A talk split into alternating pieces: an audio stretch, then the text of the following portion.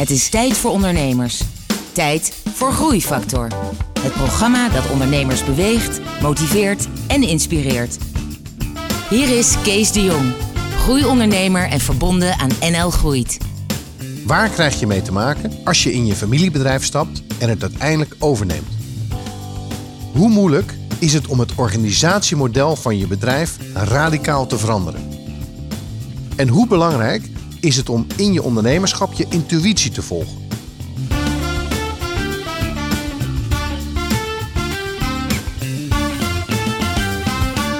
Hallo en welkom bij Groeifactor. Het programma dat ondernemers beweegt, motiveert en inspireert. Met een openhartig gesprek met een inspirerende onderneemster vandaag.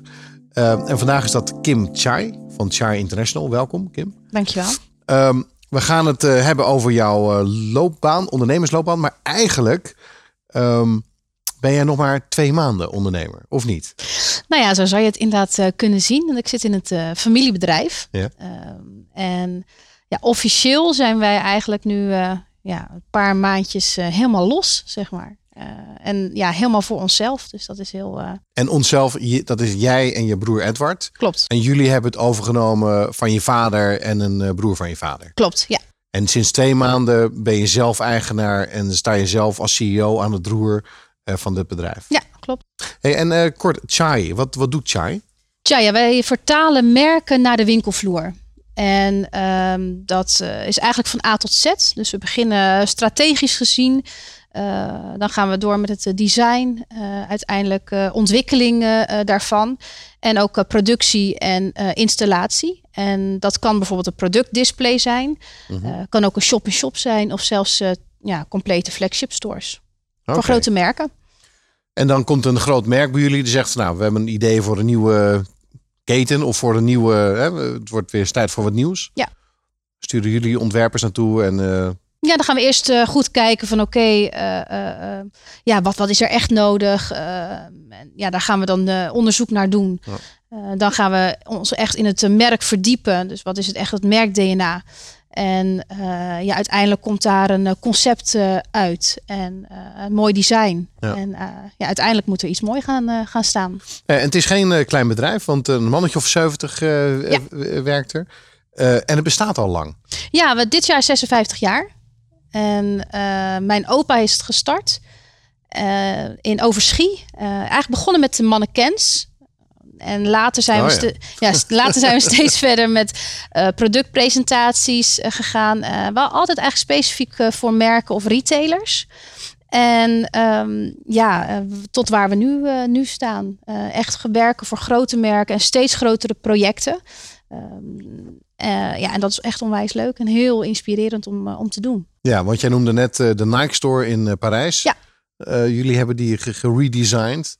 Wat nou, ja, eigenlijk wat het is dat Nike heeft het, het, het concept gemaakt en het design gemaakt. En wij vertalen dat dan naar een locatie. Gaan goed kijken wat voor materiaal moet er gebruikt worden. En fitten dat eigenlijk in, in zo'n in zo'n shop.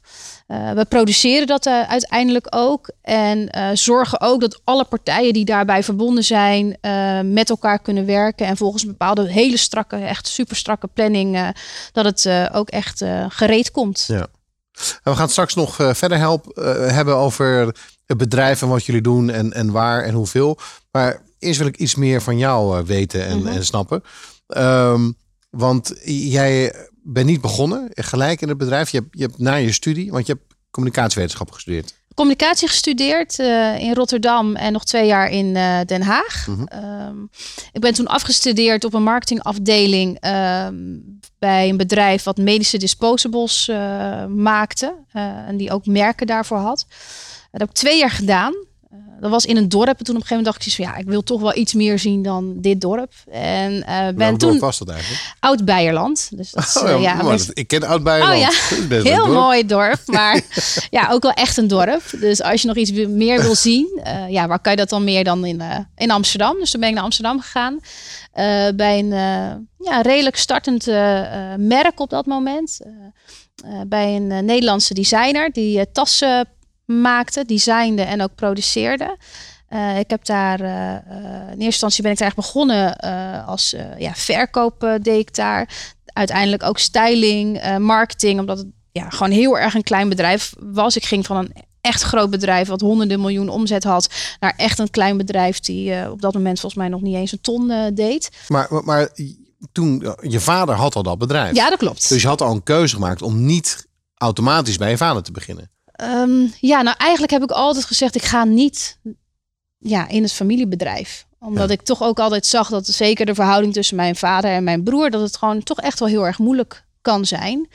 Ehm, en ik weet, mijn moeder die wilde dat ook nooit, dat wij, ja, dat wij in het bedrijf gingen. Dus, ik had er altijd een beetje aversie tegen. Terwijl ik wel altijd in de, in de vakantieperiodes uh, uh, in de fabriek stond om daar allemaal dingetjes aan elkaar te lijmen. En uh, toen deden we nog heel erg veel productie zelf. Dat is nu wat minder.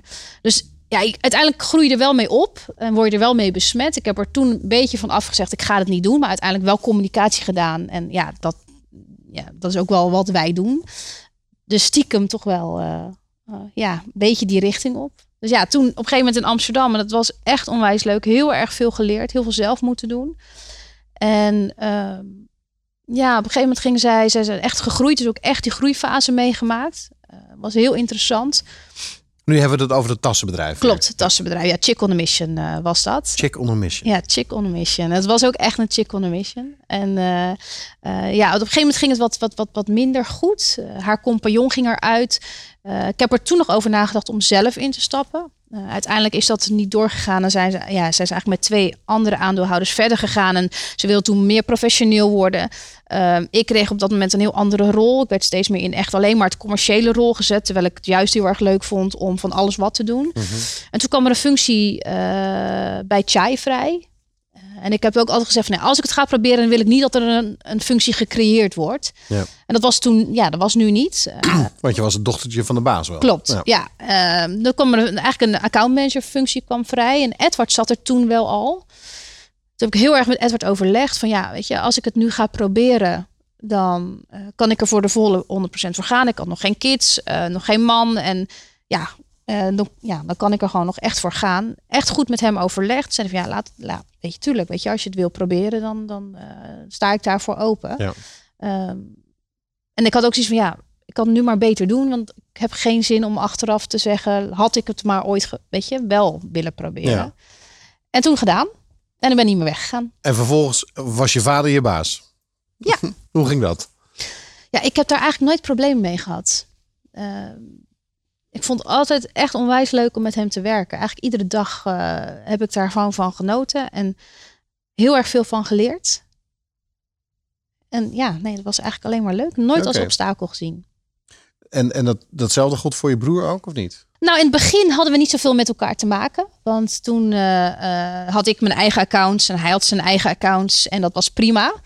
Uh, het werd wel wat lastiger toen wij uiteindelijk samen uh, binnen het managementteam kwamen. En je meer met elkaar moet gaan samenwerken op dat niveau. En nou, dan, dan merk je wel dat je elkaar kent als broer en zus.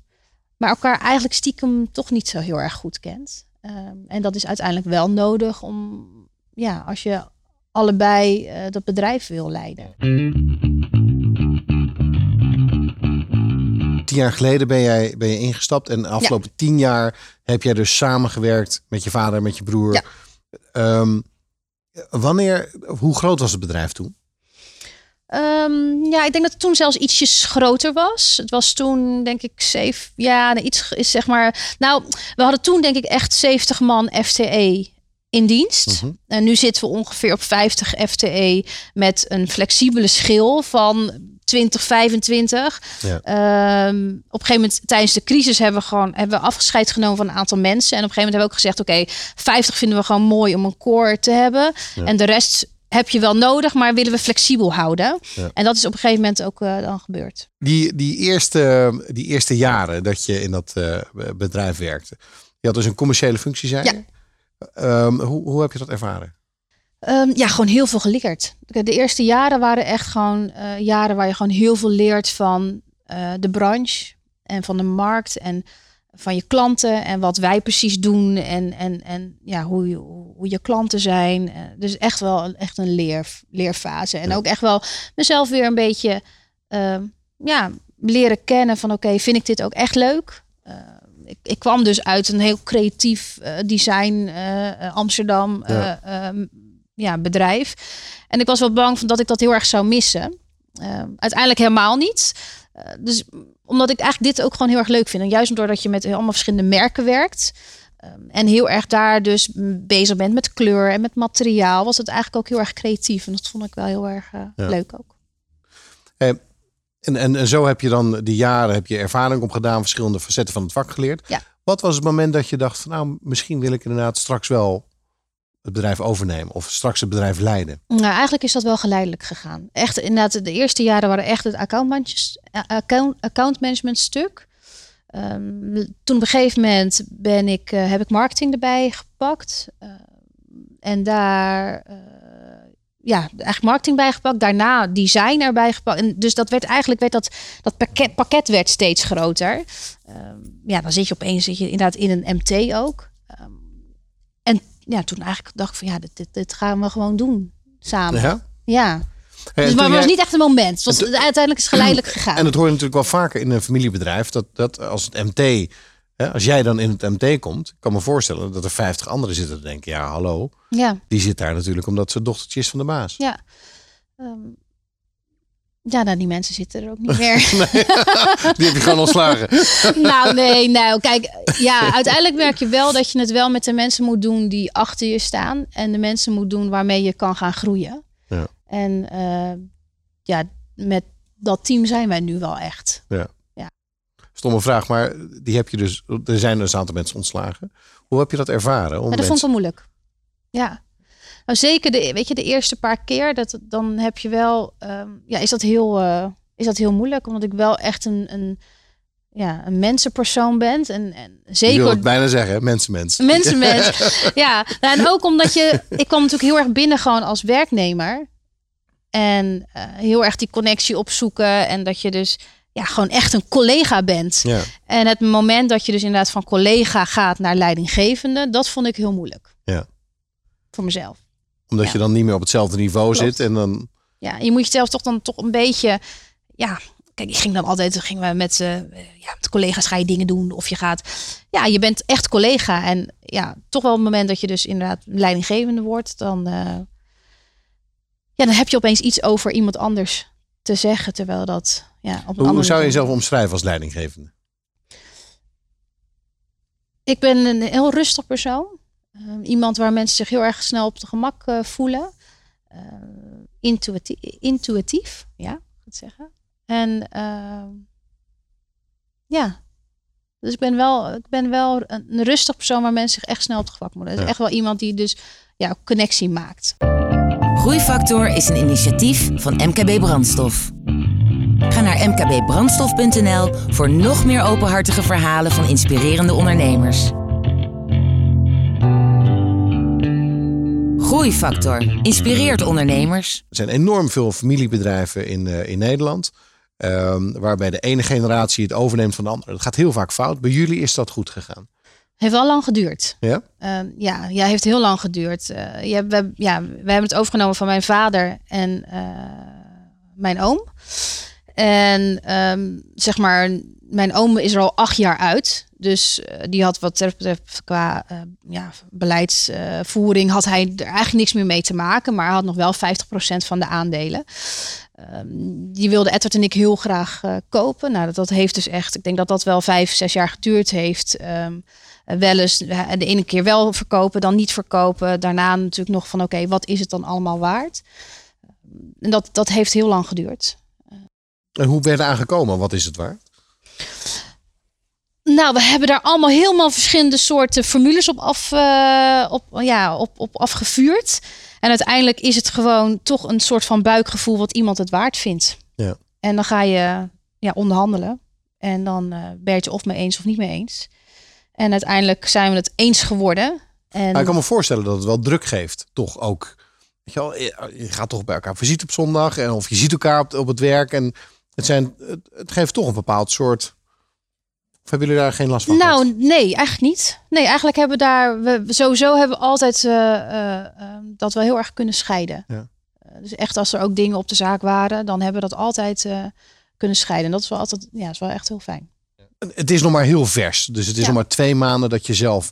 Maar ik kan me voorstellen dat je nu een aantal beslissingen gaat nemen. Mhm. Hè? Dat lelijke kastje eigenlijk weer weg. Koffiemachine weg. En ook misschien nog wel uh, qua strategie een aantal andere dingen doen. Dat je misschien wel uh, naar Polen wilt. Terwijl je vader dat drie keer heeft geprobeerd en is mislukt. Ja.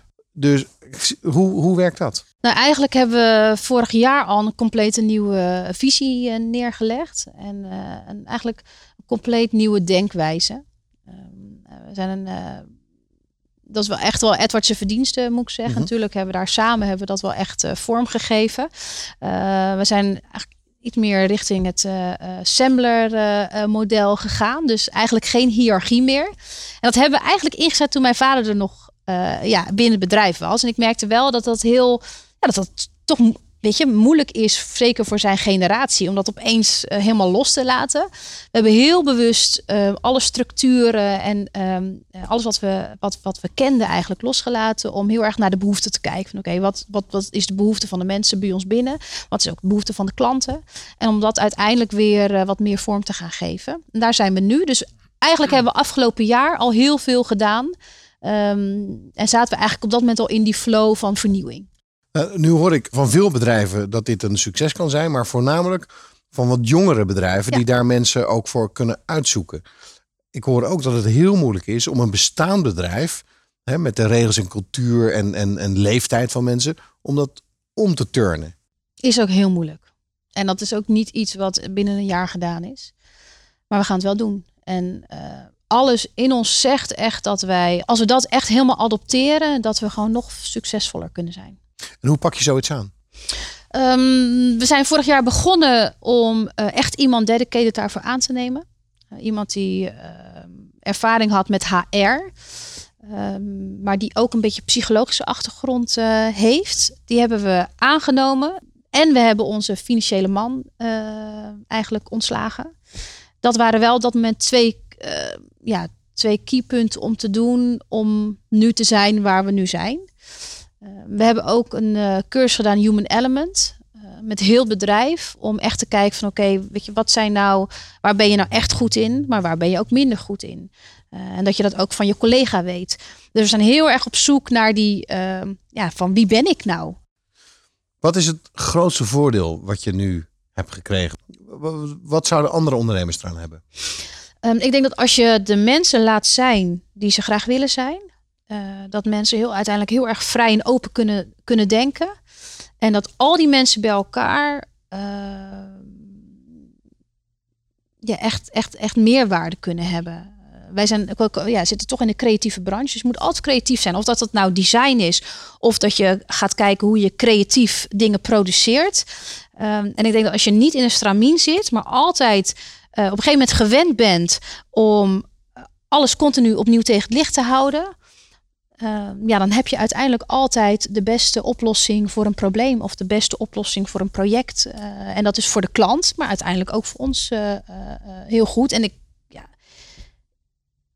ja, ja, ik denk dat dat voor andere ondernemers ook iets kan zijn wat, wat, wat heel erg kan helpen. Wat, wat moeten ze lezen of zien? Of wat, hoe nou, we zijn begonnen met eigenlijk met Semco. Dus daar, daar zijn we mee begonnen. Dus het, boek van Semmler. Ja, van Ricardo Semmler. Ricardo dat is eigenlijk ja. de, de grondlegger van deze gedachte. Die Klopt. Daarna zijn we met Reinventing Organizations het boek gelezen van Lalou is dat. En dat heeft ons wel heel erg geholpen ook om te denken van... oh jeetje, het is dus niet alleen maar één bedrijf die dat doet... maar over heel de wereld zijn er bedrijven die op die manier gaan denken... Uh, toen zijn we iets meer richting het holocratie gegaan. Uiteindelijk is dat niet wat we gaan doen, want we zijn echt wel bezig om ons eigen model te schrijven daarin. Maar we hebben daar wel weer uh, bepaalde, ja, bepaalde methodes uh, en, en uitgehaald. holocratie voor, voor de luisteraar. Ja. Hoe zou je dat dan uitleggen ten opzichte van wat jullie doen? Um, nou, holocratie die heeft nog best wel hele strakke regels eigenlijk. Best wel heel, heel, heel, um, ja, heel, heel strak nog in, in een bepaalde regelgeving. en nou, wij kijken continu naar bijvoorbeeld een project en gaan dan kijken wat is daarvoor nodig en wat voor mensen zijn daarvoor nodig. En eigenlijk ja, zonder regels. Um, Kim, de toekomst van jouw bedrijf. Ja. Hoe, hoe wat is het plan voor het bedrijf? Um, ik denk wel dat wij in uh, omzetniveau dat wij groeien. Um, en misschien dat je core, dat dat misschien ietsjes groter wordt. Maar uiteindelijk zou ik niet naar 100 man willen groeien bijvoorbeeld. Ik, ik denk ook niet dat dat uh, zal gaan gebeuren. Je wil gewoon een, een, weet je, een steady core hebben waar je uh, misschien mensen wel uh, ja, als ZZP'er of freelancers inhuurt. omdat het uiteindelijk blijft het wel een, waar wij in zitten echt een projectenbusiness. Dus dat, ja, dat is ook niet altijd helemaal te overzien over twee jaar, wat je over twee jaar aan, aan omzet gaat doen. Dus als je gewoon echt een goede core hebt waar je op die manier ook je kosten op uh, ja, op baseert, dan uh, komt dat helemaal goed. Klinkt wel een beetje voorzichtig, vind ik. Ja? Nou ja, ik, ik, ik begeleid heel veel bedrijven met groei en dingen. Ja. En, en ik zie dan toch wel dat bedrijven die groeien, daar zit ook een hele duidelijke ambitie achter. Ja. Dus ik vind jou wel behoudend, als ik dat mag zeggen. Ja. Ja, nou dat kan misschien ook wel zo zijn, omdat we, ja, eigenlijk ben ik pas twee jaar, twee maanden aan, aan de slag. Ja. Weet je, echt als ondernemer. Uh, daarvoor was ik ja, toch wel in dienst. Natuurlijk maak je op dat moment ook besluiten die je neemt. Um, en heb je gedachten uh, als je ooit de zaak hebt. En nu is het echt zo. Uh, moet er nog best wel heel veel gebeuren. En ehm, ja, ik heb wel het gevoel dat we uiteindelijk nog heel erg gaan groeien. En dat dat ook echt kan met ja, de richting die wij nu opgaan. Merk je ook dat mensen anders op jou reageren nu Mensen uit de omgeving misschien of andere ondernemers? Of... Nee. nee. Nee. Nee, ze vinden het wel stoer dat ik als vrouw gewoon CEO ben van, van, van de zaak. Dat ja. vinden gewoon, weet je. En, Want is een drukke baan. En je gaf net aan, je hebt, je hebt een man en je hebt kinderen. Twee kids, ja, klopt. Is ook heel druk. En uh, ik ben wel altijd op zoek ook wel naar die balans. Uh, dat merk ik wel. Dat je, uh, ja, weet je, uiteindelijk ben ik inderdaad ook moeder van twee kids. En mijn man is ook ondernemer. Dus ja, dat is altijd op zoek naar. Hoe, hoe hou je dat bij elkaar dan? Ja, wel bewust tijd voor elkaar vrijmaken. Ik heb het eigenlijk ook goed geregeld met de, kind, met kinderopvang. Uh, ik heb toch altijd nog wel één dag, de woensdag, dat ik in ieder geval thuis ben. Ik ben, natuurlijk ben je dan ook aan het werk, maar dan ben je in ieder geval thuis. En dat vind ik ook wel belangrijk om er dan ook gewoon te zijn. En weet je wat ik me realiseer? Ik vind het echt stom dat ik die vraag aan je stel omdat er zoveel mannen, mannen hier, ja, hier zitten die ook kids hebben. En dan stel ik de vraag niet. Dat is altijd zo. Maar dat is wel stom. Ja, maar dat... Ja. Dat is natuurlijk ook wel een stukje realiteit. Want als vrouw moet je toch allemaal... Die mannen die gaan gewoon lekker hard werken. Die zeggen, ja, ik heb hard gewerkt. Ja. Nou ja, ja, ik denk als vrouw moet je toch altijd gewoon alle balletjes hoog proberen te houden. En wordt er ook wel vaak van je verwacht dat dat inderdaad, precies wat jij zegt, dat dat op die manier gebeurt. En ik denk dat vrouwen dat ook wel stiekem gewoon willen. Weet je, tuurlijk, weet je, ik merk ook, ik ben ook gewoon moeder. En ik wil gewoon dat thuis alles op rolletjes loopt. Ehm, maar ik merk wel, als dat, dat niet zo is, dan ben ik wel bijvoorbeeld gestrester. En dan, dan merk ik dat ook wel terug in, uh, uh, op de zaak. Ja. Ehm, maar ja, ik denk wel dat als je het gewoon thuis toch wel goed regelt met je, met je opvang, dat je daar niet heel erg gestrest over hoeft te zijn. Ja. Merk je op een andere manier nog effecten dat je vrouw bent? Misschien positief of, of negatief? Nou, als, als um, CEO van een bedrijf uh, maakt het het wel wat zachter. En dat zie ik wel, dat mensen dat gewoon heel prettig vinden. Kijk, mijn vader was altijd gewoon echt een directeur. En uh, ja, echt ook, zeg maar, die stond daar ook echt. Uh, en ik denk dat zij mij wel, ze zien wel dat ik de beslissingen neem op momenten die ik zou moeten nemen. Maar ik ben wel wat toen, ja, wat denk ik meer benaderbaar. Ja. En, en nou ja, met alle veranderingen dat mensen meer zelfbeslissingen kunnen nemen, dat is wel een. Uh, ja, dus een mooie cultuurverandering ook binnen, binnen Ja, en het is, het is echt een cultuurverandering. En zeker doordat we inderdaad een bestaand bedrijf zijn. Uh, het was meer makkelijker geweest als we nou, twee maanden geleden een nieuw bedrijf hadden gestart. En de mensen hadden aangetrokken van we dachten van oké, dat zijn de mensen met wie we het gaan doen. Dan dat is anders dan dat je gewoon al 50 man hebt zitten. Ja. Sommigen inderdaad, die werken al uh, 30, 35 jaar bij ons. Um, en ja, anderen wat korter. En de een gaat dus inderdaad wat sneller dan de ander. Hey, we hebben het net gehad over jou, um, over de toekomst. Um, heb jij daarnaast ook nog uh, voorbeeldbedrijven of voorbeeldondernemers? Um, Nee, vind ik lastig. Vind ik lastige vraag. Uh, nee, dat heb ik op dit moment niet echt. Geen helden? Helden.